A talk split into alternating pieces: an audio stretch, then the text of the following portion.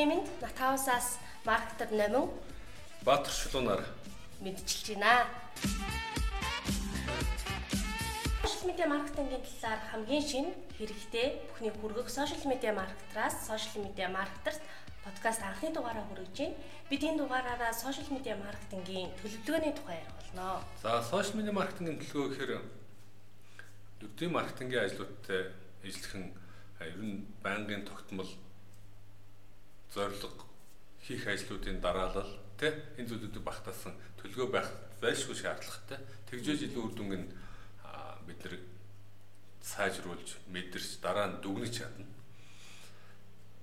За тэгэхээр э, төлөвлөгөөнд бол заавал байх ёстой зүйл гэж байгаа. Бид нарын гаргасан бол 11 зүйл байна. Энэ 11 зүйлийг бол заавал зогсох ёстой. Нэгдүгээр контент нийтлэгдэх өдөр ба цаг гэж байгаа. За дараа нь болохоор бид нар зорилгын тухай ярилцсан. За энэний дараа контентын гарчиг. За дараа нь энэ контентуудаа хаагуур нийтлэхийн гэсэн сувг. Аа. Тэгээд call to action button буюу үйлдэл дуудах товч байх хэсгийн талаар. За мэдээж зорилт сегментийн талаар ярилцсан. Хэн зориулсан байх вэ? Үүнтэй уялдаатаас хаштаг ба түлхүүр гэсэн нэг ойлголт байгаа. За дараа нь энэ тухайн контентод бүтээгдэхүүнээ багтаах уу, таг хийх үү, холбож өгөх үү гэдэг тухай ярилцсан. Тэгээд контентын төрөл ямар авах вэ? Контентын төрлийн талаар. За мэдээж төлөвлөгөөн дээр тухайн контентыг төлбөртэй сурчлагаагаар олон нийтэд хөрөхгүй үгүй юу гэдэг энэ талаар тусах ёстой тэрний талаар. Аа. Дараа нь төлөвлөгөө мөн дараа нь тайлан болж биднэрт үлдэх хэрэгтэй. А ийм болохоор гүйцэтгэлийн талаар ярилцсанаа. За ингээд За За өнөөдрийн бидний сэдэв бол контентын төлөвлөгөө байгаа.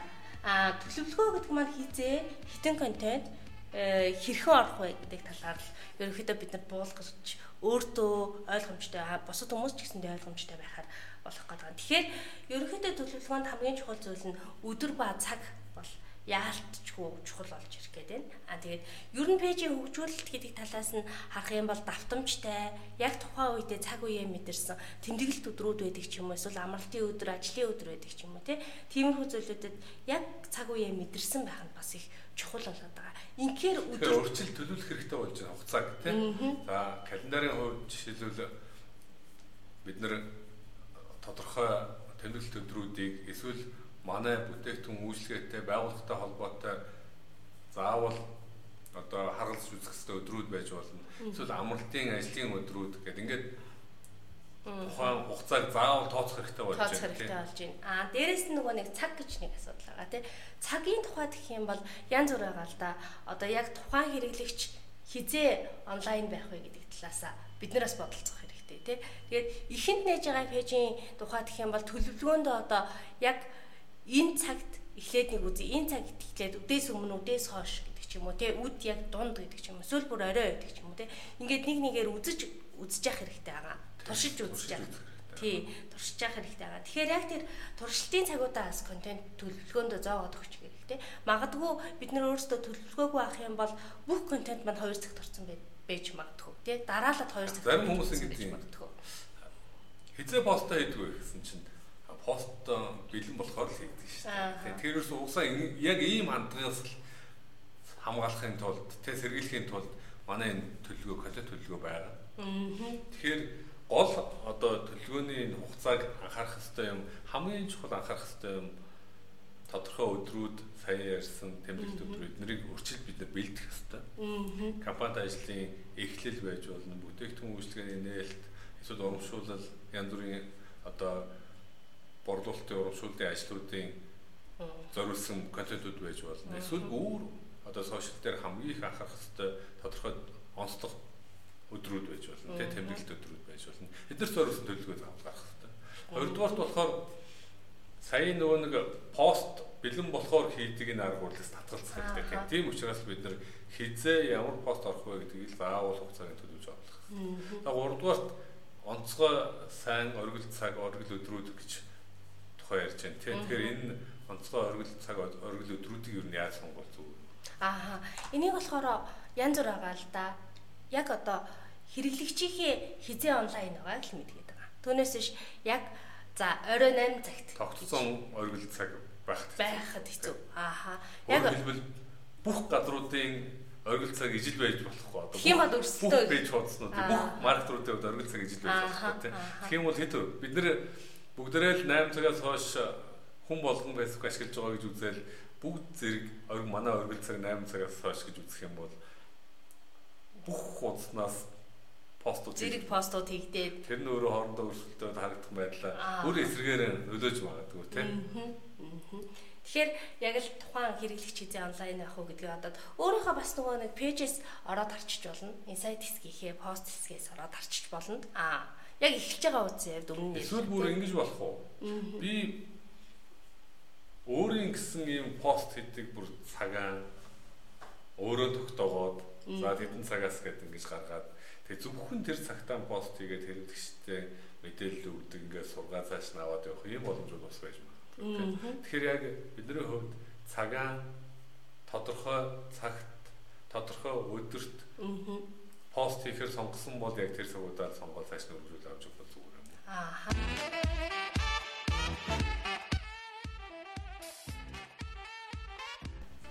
За контент мэдээж өөрөө гэсэн контент бол зорилготой байх хэрэгтэй.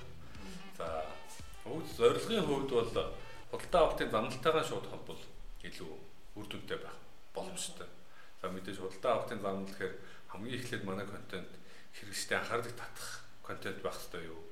Эсвэл асуудлыг нь таниулах үе шатанд хэрэглэгдэх үү? За эсвэл шийдлийг нь зааж өгөх.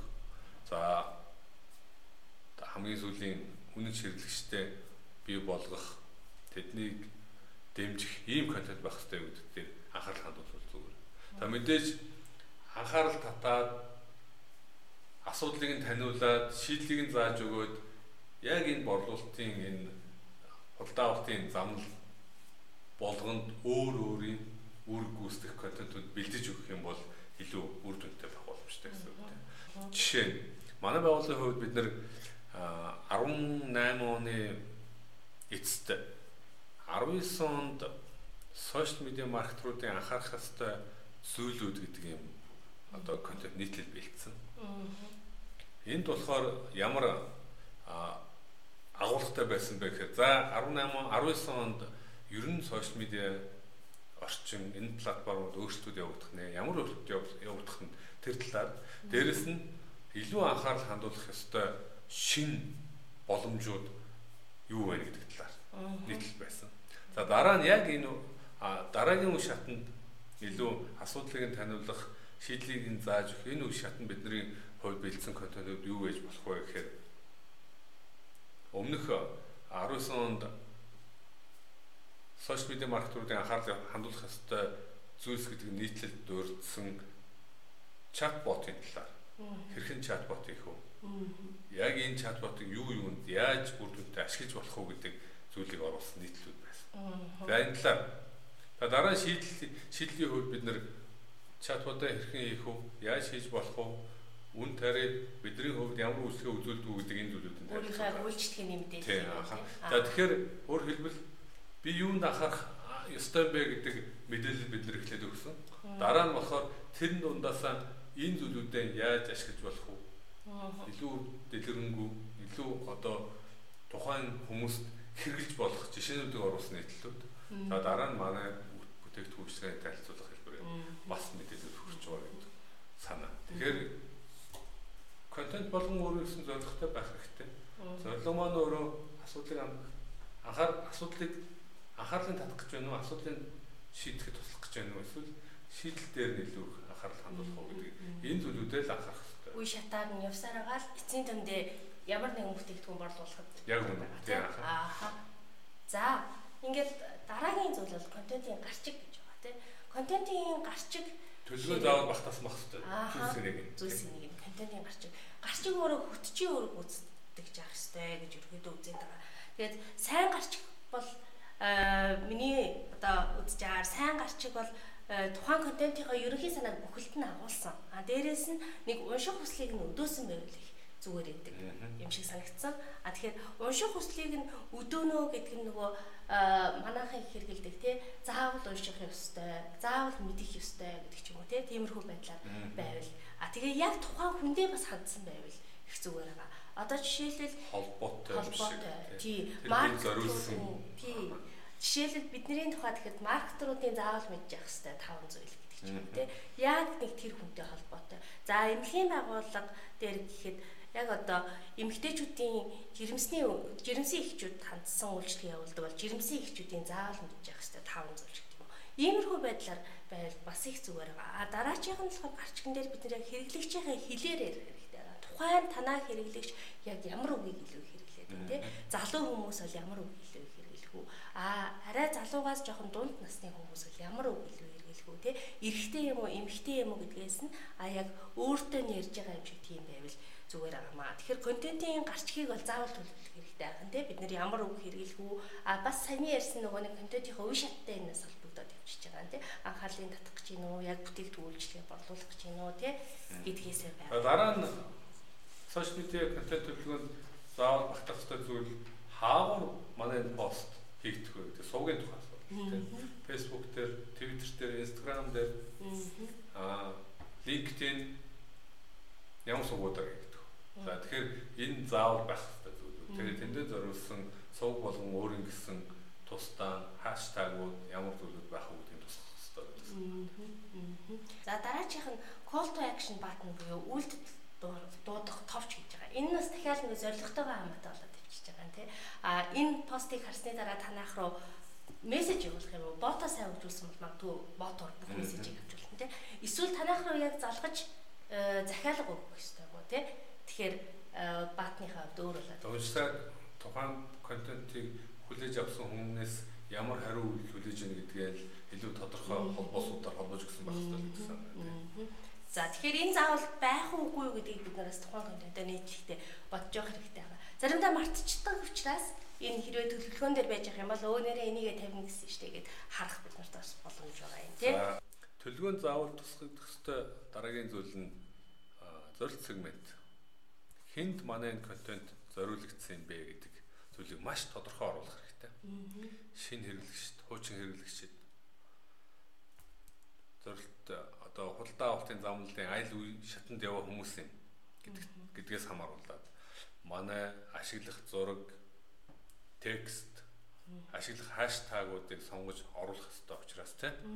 За, тийм учраас зорилт сегмент хэн зориулагдсан байх хэрэгтэй байгаа юм бэ энэ контент гэдгийг нэр заавал төлөвөндө тусах хэвээр.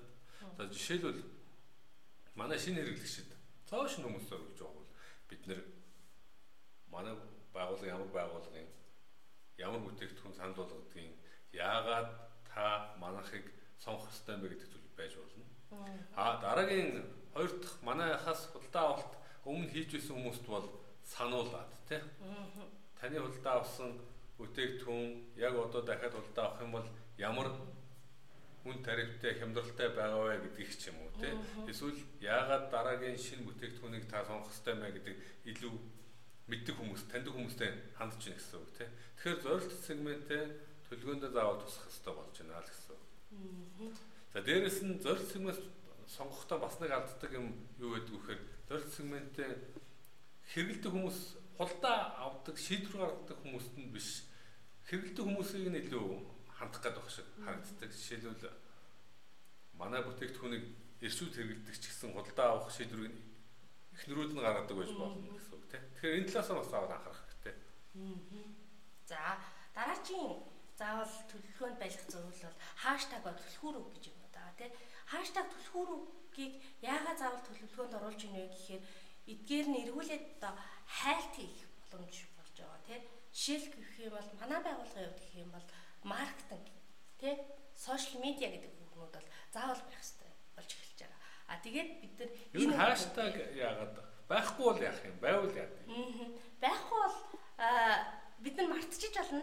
Хэдийгээр бид нар маркетинг гэдэг үгийг заавал хэрэглэх ёстой гэж бодож байгаа ч гэсэндээ тухайн контентэнд оруулахыг мартчих болно. Төлөвлөгөөндөө хэрэг зааж өгөхгүй болно шүү дээ, тий. Тийм болохоор заавал одоо манайхыг ямар үгээр хайж болох вэ? Бидний хэрэглэгч ямар үг хэрэглэж болох вэ гэдгээ заавал оруулах хэрэгтэй байх нь, тий. Тэгэхээр яг тэр үгнүүдээ олоод энэ онлайн дээр бид нар мэдээлэл бэлтжил уул хайх зориулах хэрэгтэй. Тий, тий. Ялангуяа Instagram ч юм уу Pinterest бол хаштагийн маш чухал талбарууд байдаг, тий. Хүмүүсийн хайж ба тэрнээс биш одоо бидний пост нийтлж байгаа пост болгон контент болгон хүмүүс тэр дор нь хэрэгтэй хүмүүс тэр дор нь хүрэхгүй гэж магадгүй. Тийм. Гэтэ дараа нь хайгаад олдох юм бол байж ах хэрэгтэй. Тийм тийм. Тэгэхээр хаштаг түлхүүр өгийг бүр судалгаа гаргаад урт жагсаалтыг нь бэлдээд оруулаад бэлдсэн тохиолдолд постын төлөвлөгөөн дээр оруулж явах хэрэгтэй. Тэ заавал оруулж явах хэрэгтэй. За дараагийнх нь болохоор бүтээгдэхүүнээ таг хийх үгүй гэдэг тухай. За пост болгонд ялангуяа Facebook дээр бол бид нар бүтээгдэхүүнийг шаардлагатай тухайн бүтээгдэхүүнтэй холбоотой контент пост болгон дээр бүтээгдэхүүнээ таг хийж өгөх зүгээр. За таг гэдэг нь тухайн бүтээгдэхүүн тухайн пост контентийг манай Facebook пэйжийн шоп хэсэгт байгаа бүтээгдэхүүнтэй холбож өгөх холбоосын тухай ярьж байна. Илүү хэрэглэж манай контентыг үзээд дараа шийдвэр гаргахад нь илүү туслах дөхөн болох холбоослол гэсэн үг тийм. За дараагийн контентын төрөл гэдэг асуудал байна тийм. Контентын төрлийг э, хэрвээ төлөвлөгөөнд оруулахгүй бол ямар асуудал гарах вэ гэхээр бид нар магадгүй зурган контентыг 2-7 хоногийн турш явуулчих магадгүй тийм. Хэд нэг төрлийн контент. Нэг төрлийн контент. Тэгсэн чинь танаа хэрэглэгчийн зарим нь зураг үзэх дуртай зарим нь дургүй байж болно. Зарим нь видео контентоос илүү их мэдээлэл авах дуртай байж болно тийм. Тэгэхээр бид нэр өөрсдөө мартахгүй байхын тулд а мөн хэрэглэгчтэй янз янзын төрөл бүрийн сонирхолтой өөрийнх нь яг сонирхдаг контентыг хүргэхийн тулд бид нэр контентынхаа төрлийг заавал оруулах төлөвлөгөөнд тусах. Тий. 7 хоногт нэг удаа видео явуулна гэдэг ч юм уу тий. Нэг удаа заавал лайв явуулах хэрэгтэй. Явуулах хэрэгтэй гэдэг ч юм уу тий. Иймэрхүү байдлаар заавал ингэ төлөвлөж явах хэрэгтэй ахны. За дараа нь болохоор тухайн контент төлбөртэй сурталчилгаанд ашиглагдах энэ зүйлийг заавал контентынхаа төлөвлөгөөнд тусгаж оруулах зүгээр. Яагаад тэгэхээр тухайн контент төлбөртэй сурталчилгаанд хэрэглэгдэх бол тий илүү төлбөр төлж олон хүнд хүрэх ёстой контент мөн бол бид нар дахиад контент бэлдэх үе шатанда тэрнийг анхаарах ёстой болно. Сурталчилгааны а Facebook ялангуяа жишээ нь Facebook сурталчилгаанд тавигдах шаардлагуудыг нөгөө контенттой анх бэлдэж бэлдэх явцдаа анхаарна. Хитэх тексттэй байж болохгүй. Янз бүрийн хориотой одоо зүйлс сурчилж болохгүй. За дээрэс нь тавигдах өөр одоо төрлийн шаардлагууд, капшнда ямар үг текст ашиглах уу, ямар холбоосуудыг оруулах хэрэгтэй гэдэг чинь өөрөө дахиад сурталгаан тавигдах шаардлагуудын маш чухал зүйлүүд нэг болцсон. Тийм учраас бид нэр төлөвлөгөөндөө анханасаа энэ пост, энэ контент төлөвлөгөөнд сурталгаанд ашиглагдгийг шүү гэдгийг анхааруулаад зоогоод өгсөн тохиолдолд бэлдэх үе шатанда эднийг анхаарч болно. Аа яг үнэ. За сүүлийнх нь болохоор төлөвлөгөө эргүүлээд тайлан болж ивэл их зүгээр байгаа тийм. Тэгэхээр гүйцэтгэлийн хэсэг гэж байгаа. Гүйцэтгэлийн хэсэг дээр маркетинг энэ энэ хэсгийг оруулахгүй бол нэг ийм асуудал гараад байгаа юм л да. Яг маркетингийн хилцийнхнаас хамаарж байгаа зүйл гэж байна. Бүр хамаар хамаарж байгаа хэрнээ бас өөр хилцтэй хамааралтай зүйл тийм. Жишээлбэл одоо бүтээгдэхүүн хөгжүүлэлтийн хэсгийнхэн биднэрт мэдээлэл өгөхгүй байх ч юм уу тийм. Манай манай зүгээс юм бол одоо манай харилцагч байгууллага биднэрт ямар мэдээллийг хизээ өгөх ёстой вэ? Бидний хийж байгаа контентыг хизээ эцсийн байдлаар хянж өгөх ёстой вэ гэдгийг бид нар заавал оруулж өгдөг. А энэ нь өөрөө яг тухайн контент удаан хугацаанд ингээд нэг очин олдохгүй тий тодорхойгүй байдалд орохоос сэргийлнэ тий. Тэгээ бас дээрэс нь яг хүрж байгаа зорилгодоо яг хүссэн зорилгодоо хүрж ийн үгүй юу гэдгийг энэ хэсэг маш шийдэж өгч байна. Гүйцэтгэл жишээлбэл ямар үзүүлэлтүүдийг оруулдаг вэ? Энэ хин хариуцж байгаа вэ гэдэг дээр байна тий. Одоо жишээлбэл нэгдүгээр хин хариуцж байгаа. Хизээ хизээ дууссан байх хэвээр бэлэн болцсон байх хэвээр. За дээрэс нь гүйцэтгэлийн бусад үзүүлэлтүүдийг гаргаж болно. Үр дүнгийн энэ пост хэдэн хүнд хүрсэн ямар үр дүнтэй болсон engagement буюу харилцсан ямар хэдэн харилцаа зорж байгаагаас бид нар бол одоо нэг гол тавина тийм нэг зорилго тавина тийм хэдэн хүнд хүргэнэ гэдэг ч юм уу тэрэндээс бодит байдал дээр хэдэн хүнд хүрсэн бэ гэдэг ч юм уу тийм тиймэрхүү үзүүлэлтийг заа. Тэгэхээр энэ төлөвлөгөөнийхөө маань төлөвлөгөөний маань тайлан тусгах ёстой гол зүйл нь энэ хэсэгтээ багтааж орсон байх. Орсон байх ёстой гэсэн. За ерөнхийдөө ингээд дуусчийн төлөвлөгөө тусгах зүйл маань тий. Яг энэ төлөвлөгөөний бид нэр загварыг бэлдсэн байгаа тий. Яг энэ дагуу энэ зүйлүүстэй багтаасан. Багтаасан загварыг бид нэр бэлдсэн байгаа. Загварыг маань хараас авах хэлээ. Манай Nathouse MN веб хуудаснаас ороод тий Nathouse NAT house цэг байна. Веб хуудаснаас ороод төлөвлөгөө татаж авах гэсэн товчнууд байгаа. За эсвэл сошиал медиа контент төлөвлөгөөгээд хайгаад гарч ирч болно. За эндээс татж аваад ашиглах боломжтой. Excel 19 оны бүх өдөр цагуудыг календарчлаад оруулаад бэлтгэсэн юм бэлэн загвар файл байна. Нэг сарын төлөвлөгөө бид нараас гаргаж жишээ олгоцсон байгаа тийм. За энэ өнөөдөр ярьсан зүйлүүдтэй холбоотой төлөвлөгөөнд тусгах хэвээр зүйлсийг багтаасан төлөвлөгөө таны ажлыг илүү дүнтэй илүү зоригтой илүү цаг хугацаанд дуустдаг тийм ийм төлөвлөгөө болгох байхаа гэж бодож байна.